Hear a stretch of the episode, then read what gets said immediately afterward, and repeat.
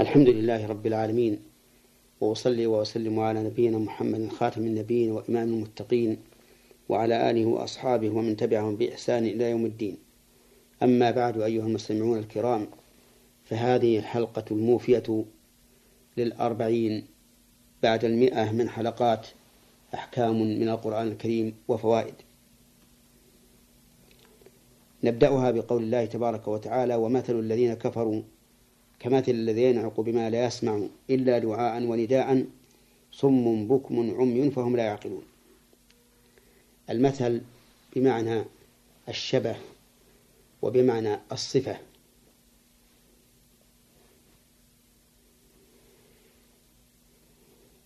وكلا المعنيين صحيح. يعني صفة هؤلاء الذين كفروا كصفة الذي ينعق بما لا يسمع. أو شبه هؤلاء كشبه الذي ينعق بما لا يسمع. والذي ينعق هو منادي الحيوانات. والذي لا يسمع إلى دعاء ونداء هو الحيوان. يعني كمثل الراعي ينعق للإبل ينعق للغنم ينعق للبقر فتقبل إليه. من غير أن تدري ماذا يصنع. حتى إنه ربما ينعق بها ليذبحها فتأتي وهي لا تدري. حال هؤلاء وشبه هؤلاء الكفار كهذا الذي ينعق بما لا يسمع أي ينعق بالدابة والبهائم. لا يسمع إلا دعاء ونداء لا يدري ما هو ووجه الشبه أن هؤلاء الكفار يتبعون من يتبعون من آبائهم وكبرائهم وهم لا يعلمون أنهم يجرونهم إلى الهلاك. ولهذا وصفهم بأنهم صم عن الحق فلا يسمعونه بكم عن الحق فلا ينطقون به عمي عن الحق فلا يبصرونه والعياذ بالله. فهم بناء على فقد هذه الحواس منهم لا يعقلون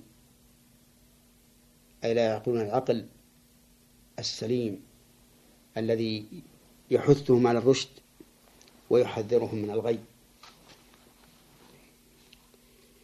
في هذه الآية الكريمة من الفوائد العظيمة سوء مثل الكفار حيث شبه بالذي ينعق بما لا يسمع إلا دعاء ونداء وهم أهل لذلك بل هم أضل من هذه الأنعام. كما قال الله تبارك وتعالى ومن أضل ممن يدعو من دون الله من لا يستجيب له إلى يوم القيامة وهم عن دعائهم غافلون. وقال الله تبارك وتعالى إنهم إلا كالأنعام بل هم أضل سبيلا. ومن فوائد هذه الآية الكريمة التحذير من التعصب والمتابعة لغير من يعلم أو يغلب على الظن أنه على هدى. لأن الله تعالى ذم هؤلاء الذين يتبعون الكفار وبينا أنهم كالذي ينعق بما لا يسمع إلا دعاء ونداء. ومن فوائدها أي فوائد الآية الكريمة نفي الكمال عمن لا عمن لم ينتفع به.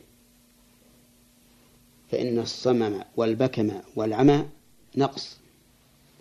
وهؤلاء الكفار قد يكونون من أقوى الناس بصرا وأشدهم سمعا وأفصحهم لسانا. لكن لما كانوا لا يستفيدون من ذلك صاروا كالفاقدين لها. لقوله تعالى صم بكم عمي فهم لا يعقلون. ومن فوائد هذه الآية الكريمة الإشارة البينة إلى الفرق بين العقل والذكاء فإن هؤلاء الكفار الذين يتبعون من يتبعونه من آبائهم وكبرائهم هم أذكياء ولا يفوتهم شيء مما يشتهونه ويهوونه لكنهم غير عقلاء في الواقع لأنهم لم يحسنوا التصرف لأنفسهم حيث أوقعوها في الكفر والضلال والعياذ بالله فهم لا يعقلون. ثم قال الله تعالى يا أيها الذين آمنوا كلوا من طيبات ما رزقناكم واشكروا لله إن كنتم إياه تعبدون. هنا وجه الخطاب للمؤمنين في قوله يا أيها الذين آمنوا. ونقول حول هذا تصدير الخطاب بالنداء يدل على أهميته. لأن لأن النداء يستلزم أن يسترعي المنادى انتباهه وينتبه لما وجه إليه.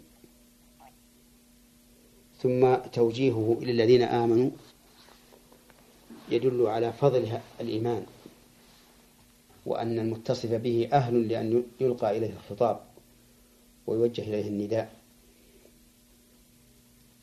ثم إن توجيهه للذين آمنوا يدل على أن هذا من مقتضيات الإيمان. كما إذا قال القائل لشخص ما يا أيها الكريم نزل عليك ضيف.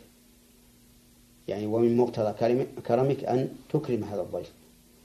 كذلك يا أيها الذين آمنوا يعني مقتضى إيمانكم أن تمتثلوا ما أمركم الله به في قول كلوا من طيبات ما رزقناكم.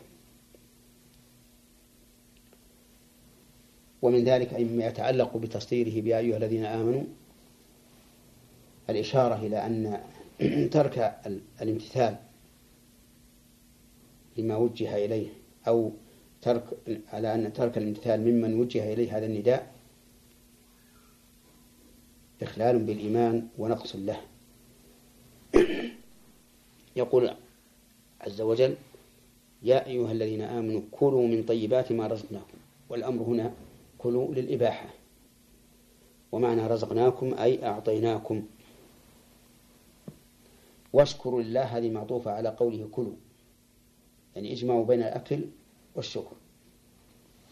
والشكر قال العلماء هو الاعتراف بالقلب للمنعم والتحدث بالنعمة باللسان. شكرا لا افتخارا. والعمل بطاعة المنعم. تصديقا للأخبار وتنفيذا للأحكام. وعلى هذا الشكر أمر عظيم. ليس بالأمر الهين ولا يكفي فيه أن يقول أن يقول الإنسان أشكر الله أو أنا شاكر لله بل لابد من هذه الأمور الثلاثة.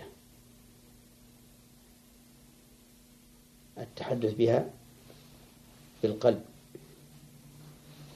والإعتراف بأنها من الله عز وجل ونشرها بين الناس. لا افتخارا وعلوا ولكن إظهارا لنعمة الله سبحانه وتعالى عليه. والثالث العمل بالجوارح فيما يرضي المنعم عز وجل. وقوله إن كنتم إياه تعبدون يعني أن من مقتضى العبادة الحق أن يشكر الإنسان ربه.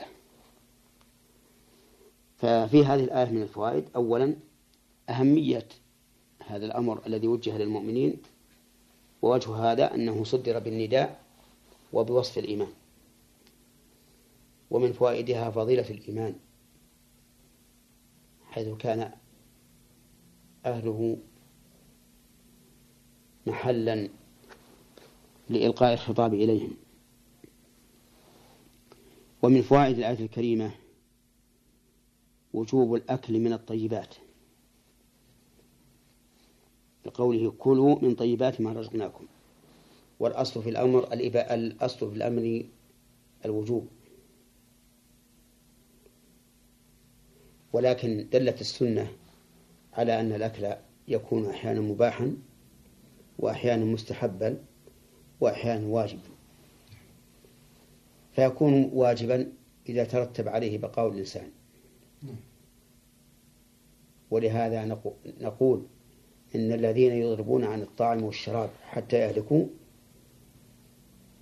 منتحرون. أي بمنزلة الذين نحروا أنفسهم. لأنه يجب عند. لأنه أي الأكل والشرب يجب عند خوف الهلاك. ومن فوائد الآية الكريمة الإشارة إلى أن ما في الأرض من عطاء الله عز وجل. لقوله مما رزقناكم وهذا يستلزم أن نشكر الله سبحانه وتعالى على على ما رزقنا.